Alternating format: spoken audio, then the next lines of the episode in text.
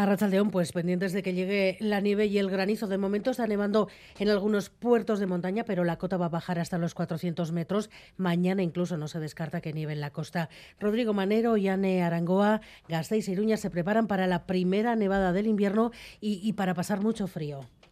Pues sí, aquí en Vitoria hace ya bastante frío, un grado marcan los termómetros en algunos puntos de la capital, que se prepara para una buena nevada. Si se cumplen los pronósticos, a 400 metros se acumulará una buena capa y Gasteiz está a 525. El ayuntamiento ha activado el plan de emergencias con 16 máquinas quitanieves listas para actuar y sal a disposición de los vecinos en 35 puntos públicos, centros cívicos y comerciales. En todo Álava, la Diputación también está en alerta con 20 quitanieves y un centenar de personas movilizadas.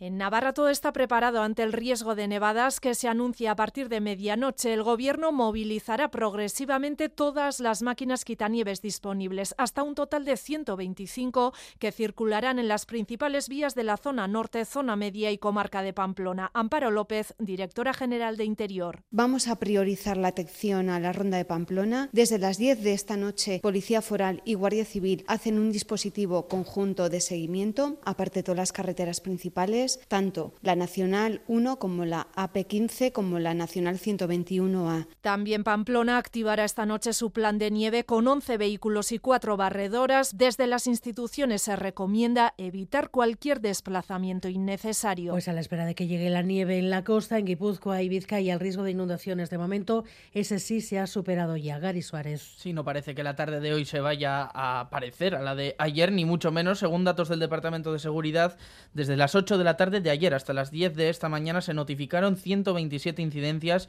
por distintos motivos como balsas de agua, desprendimientos y caídas de árboles. También se realizaron cuatro rescates para sacar a personas de sus vehículos y el, y el temporal se cobró una víctima. El cuerpo de un hombre de 80 años fue encontrado flotando en el puerto de Bermeo y la Arcense investiga si el fallecido cayó al río Artique y fue arrastrado por la corriente.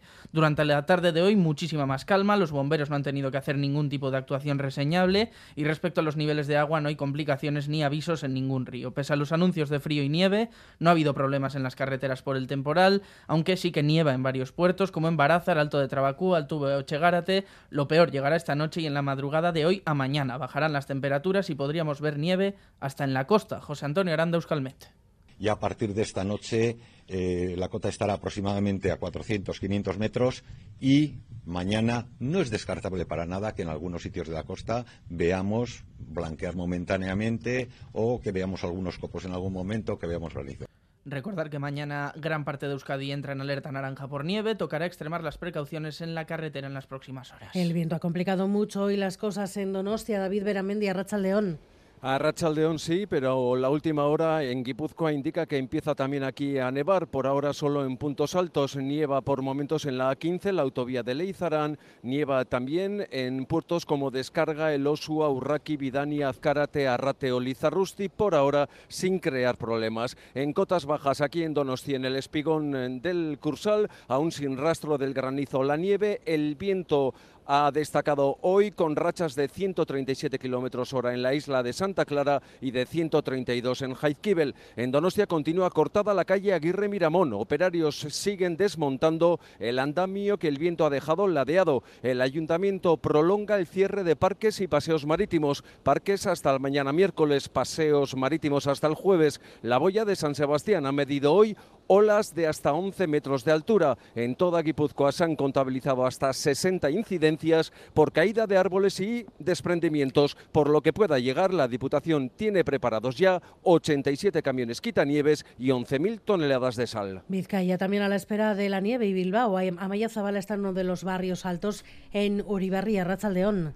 A León, 5 grados, lluvia y mucho frío en estos momentos en Uribarri, pero eso sí, ni rastro de nieve de momento. Y digo de momento porque ante la posibilidad de que se vean afectadas algunas zonas altas de la ciudad, como esta de Uribarri, el ayuntamiento ha puesto en situación de intervención inmediata un operativo especial con camiones, cuchilla y barredores quitanieves, además de tener un acopio de 200 toneladas de sal. Y como no, mucha expectación entre los vecinos. Si es para un día o dos, sí, sí. Ay, gustatuko litzaiguke. Es bonito, pero sobre todo para los críos y así. Jugaríamos con la nieve. Puedes hacer muñecos Bueno, de pues nieve. a la espera de que llegue la nieve, de momento sigue la lluvia, el granizo y la nieve en algunos puertos de montaña, por lo menos de momento no en las capitales. Hay que tener mucho, mucho cuidado en las carreteras a partir de, de ahora en las próximas horas. En estos momentos en carreteras tenemos dos puntos con problemas. En Bilbao, en los túneles de San Mamés, salida de Bilbao, accidente de un coche, uno de los carriles está cortado y en la A8, en la zona de Abanto, una furgoneta está averiada y un carril está cortado también. Pero además, las principales instituciones vascas rechazan la iniciativa del gobierno español de abrir en Gasteiz un centro de acogida para personas refugiadas. Son centros abiertos de alojamientos colectivos destinados a proporcionar una primera acogida. En la capital alavesa se quiere ocupar este centro 13.000 metros cuadrados. Su inauguración se prevé para finales de 2004, pero el gobierno vasco ha mostrado hoy su oposición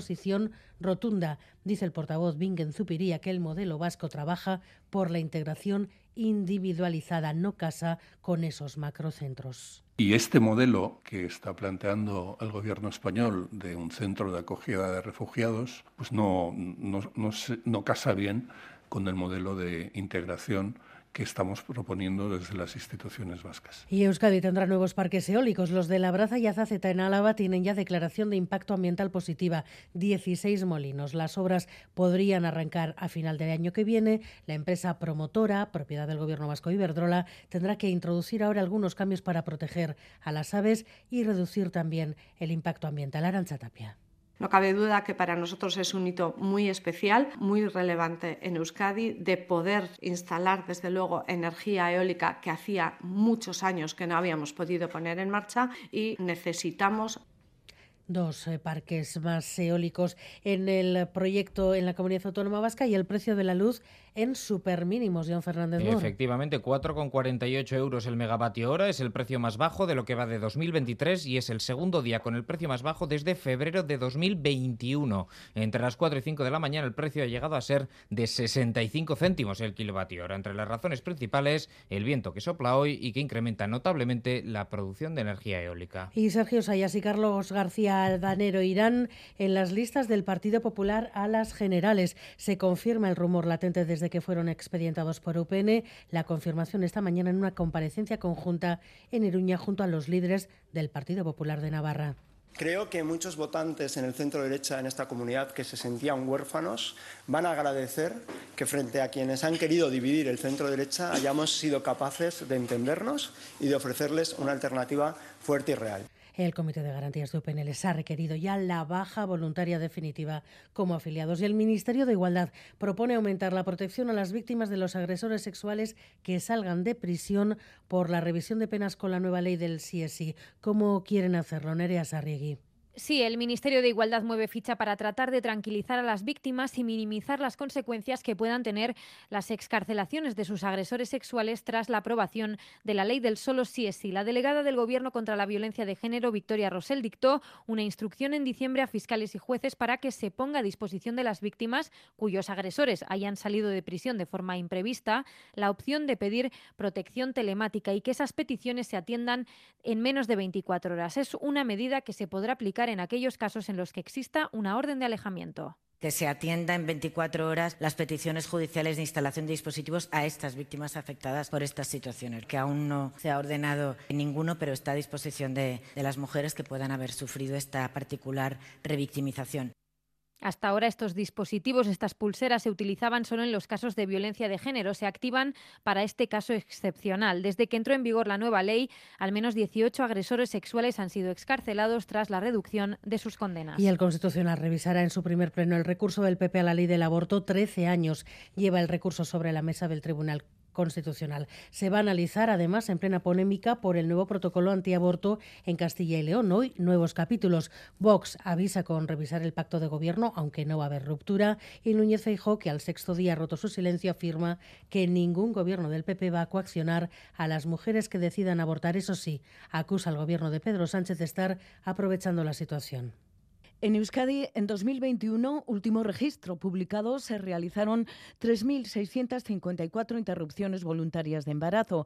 La mayoría eran residentes en la comunidad autónoma vasca, 103 derivadas de otras comunidades. La sanidad pública vasca garantiza este derecho de las mujeres mayoritariamente a través de clínicas concertadas, en un 95% de los casos, aunque también en hospitales públicos. Todas, en cualquier caso, están financiadas públicamente. La mayoría de estas interrupciones, 3.430, fueron a petición propia en ese año 2021. Nora Iturri es directora de la Clínica Escavide, una de las clínicas concertadas. Hoy ha estado en Radio Euskadi. Para ninguna mujer es de buen gusto interrumpir un embarazo. Quiero decir, ninguna viene diciendo que bien me ha pasado esto, ninguna. Las que vienen son generalmente o casi todas porque ven que es inviable en su día a día, en su momento vital, tener un hijo. Son los datos de eh, las prácticas del aborto en la comunidad autónoma vasca. De momento, hasta aquí este resumen, pero vamos a seguir muy pendientes de las carreteras, de la nieve, del granizo y la lluvia.